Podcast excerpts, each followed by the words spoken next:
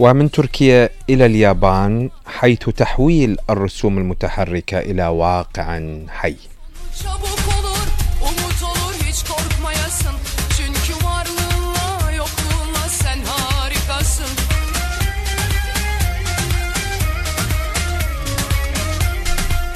يعني حقيقة عندما نقرأ بعض الأخبار مثلا التي تأتي من اليابان لا نستغرب حول هذه الأخبار يعني. عندما نقرأ مثلا اليوم أو عفوا في هذا تحويل الرسوم المتحركة إلى واقع حي في اليابان هذا ليس بمستبعد اليابان التي جعلت الروبوتات تتكلم وتشعر في بعض الأحيان والعلماء هنالك يتخوفون من الجانب الأخلاقي في تحويل بعض الروبوتات وفي تضمينها. يعني مزاوجات بين خلايا جسد الإنسان وبين الروبوتات نفسها. يعني فكائن هجين من الإنسان والروبوت. طبعا هذا تم العمل عليه بالصين لأن الصين ما عندها هاي المخاوف الأخلاقية. ناس يعني يفكرون بقضايا مادية بحتة تماما. أما في اليابان لديهم تخوفات أخلاقية في هذا المجال بسبب يعني حسب تحليلي الخاص هو الديانة البوذية التي ما زالت حتى الآن آه، تفرض آه، في اليابان الكثير من طقوسها وشعائرها وحتى أخلاقها. آه، الصين أيضا بوذيين ولكن النظام الحكم الشيوعي هو المتحكم الأساس في مثل هذه القضايا القضايا العلمية الاقتصادية إلى آخره.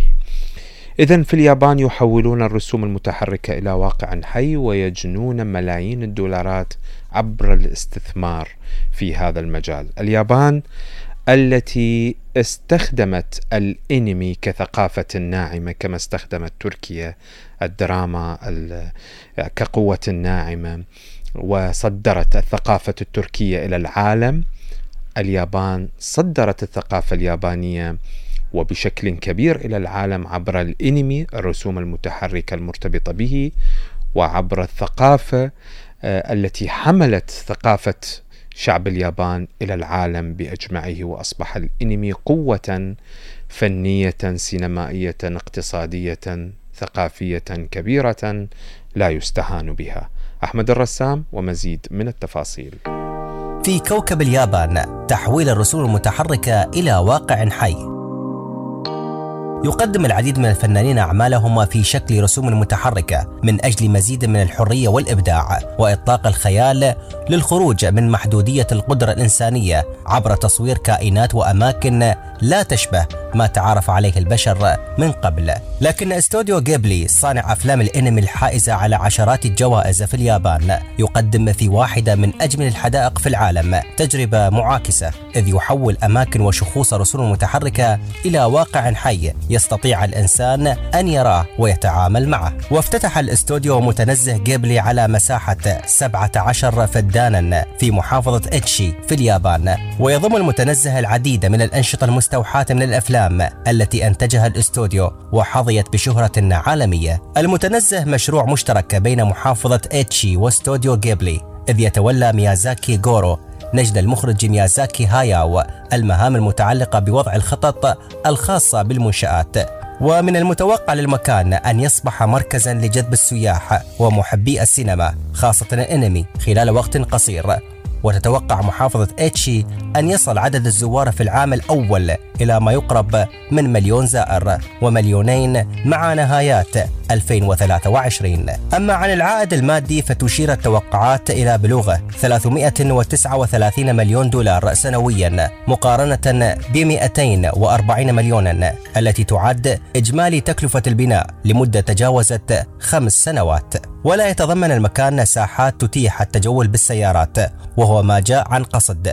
فهي ليست مدينة ترفيهية في الأساس وإنما متنزه يهدف إلى إجبار الزوار على التجول والسير في الهواء الطلق وسط مناظر طبيعية خلابة. في حين يستكشف الزوار أسرار المكان ومواطن الجذب فيه وهو ما يتناسب مع طبيعة المواضيع المطروحة في أعمال جيبلي حيث السحر والطبيعة والمغامرة. يتكون المتنزه من خمس مناطق عامرة بالمباني والحدائق. ذات الطابع الخيالي وافتتح ثلاثة منها فقط حتى الآن. ومن المفترض افتتاح الاثنتين المتبقيتين في خريف عام 2023 وأول وأهم المناطق المستودع الكبير الذي يضم ديكورات 13 من أشهر إنتاجات الاستوديو ومن بينها القطار الذي يسير على الماء في فيلم المخطوفة الذي صدر في 2001 وحاز على أوسكار أفضل فيلم رسوم متحركة ليصبح أول فيلم إنمي يفوز بالجائزة. القط الحافلة بالحجم الحقيقي من فيلم جاري توتورو إنتاج عام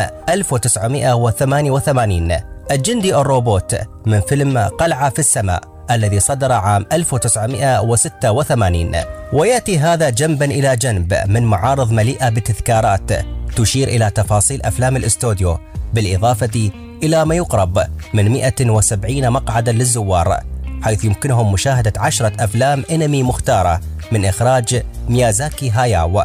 وأخيرا هناك بعض المقاهي ومتاجر الهدايا وألعاب الأطفال التذكارية. تل الشباب هو المنطقة الثانية الأقرب إلى مدخل المتنزه وهناك ينتظر الزوار الكثير من المباني بالأحجام الحقيقية بعضها صمم على الطراز الأوروبي. هذه المنطقة مناسبة لمحبي الكواليس خاصة أنها اقتبست من الهندسة المعمارية للقلعة التي ظهرت في فيلم قلعة هاول المتحركة. في عام 2004 أو المزرعة التي دارت فيها أحداث فيلم همسة القلب عام 1995 القسم الثالث والأخير المتاح حاليا للجمهور هو غابة دوندوكو. التي بنيت على الطراز الريفي الذي ظهر في فيلم جاري توتورو. ولهذا فإنها تضم نموذجا بالحجم الطبيعي للمنزل الذي عاش فيه الأبطال الأساسيون بالفيلم. نسخة طبق الأصل عن المزرعة العامرة بالأشجار التي دارت فيها الأحداث. مسارات للتمشية والنزهة بهدف الاستمتاع بالطبيعة المتاحة في المتنزه بجانب مساحة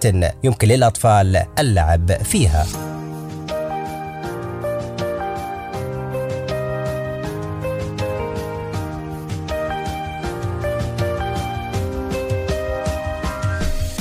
إذا آه، استغلال القضية السينمائية والإنمي بشكل اقتصادي كبير جدا ومدروس بشكل واضح حيث من المتوقع أن يصبح أو أن تصبح محافظة آيتشي التي تحوي متنزه جيبلي الذي يحول ال ال الأنمي إلى آه، إلى واقع وحقيقة ويصور وبشكل كبير كما أشار التقرير لكي يطلق الخيال إلى الخروج على أرض الواقع.